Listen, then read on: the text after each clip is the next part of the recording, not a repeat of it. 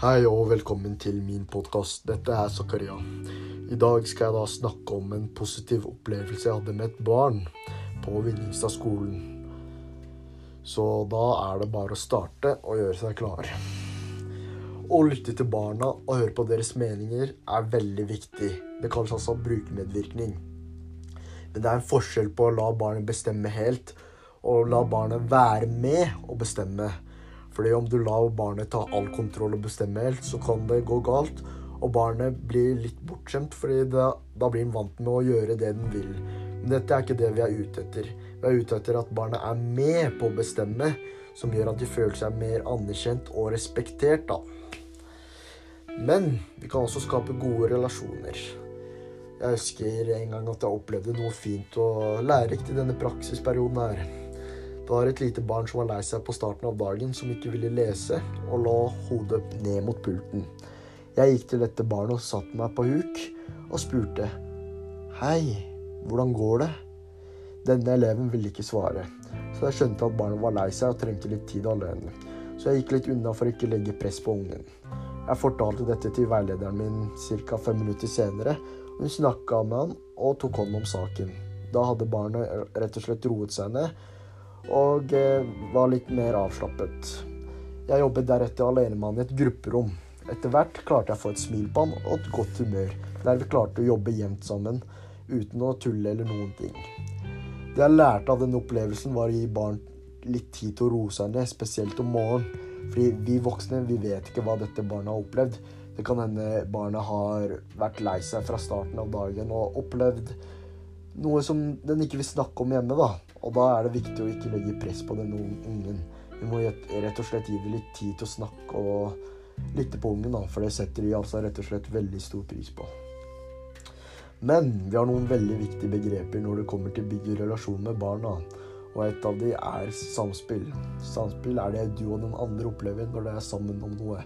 Og hvordan vi møter den andre i øyeblikket. Det er altså det jeg opplevde med dette barnet. Men hvorfor er det viktig å skape gode relasjoner til barnet? Gode relasjoner er livsviktig for oss mennesker og barn og unge, som tilbringer største av dagen sin med disse barna. da. Gode relasjoner er der de voksne gir respons og anerkjennelse, og er med på å utvikle barnas selvbilde ved at de oppfører seg som verdifulle. da. At vi på en måte ser de og ja følger med på de da. Altså observere. Men hvorfor er det viktig at barna får muligheten til å utvikle sin, sin sosiale ferdigheter?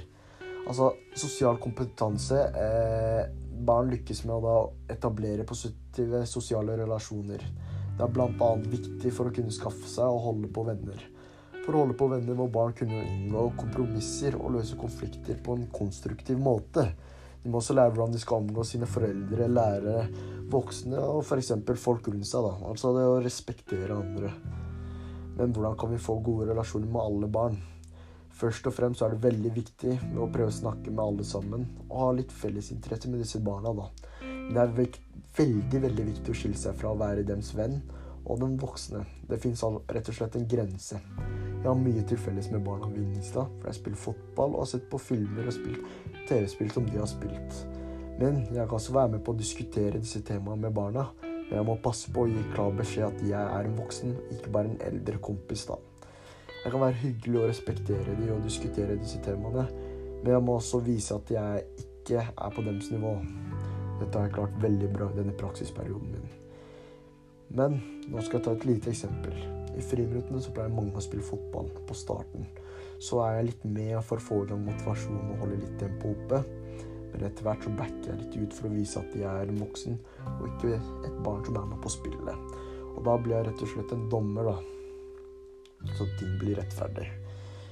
Dette var det jeg hadde om i dag i min podkast, og ja Jeg har vel lært veldig mye av den situasjonen jeg opplevde med det barnet. Og håper på å kunne lære mye mer, da. Takk for meg.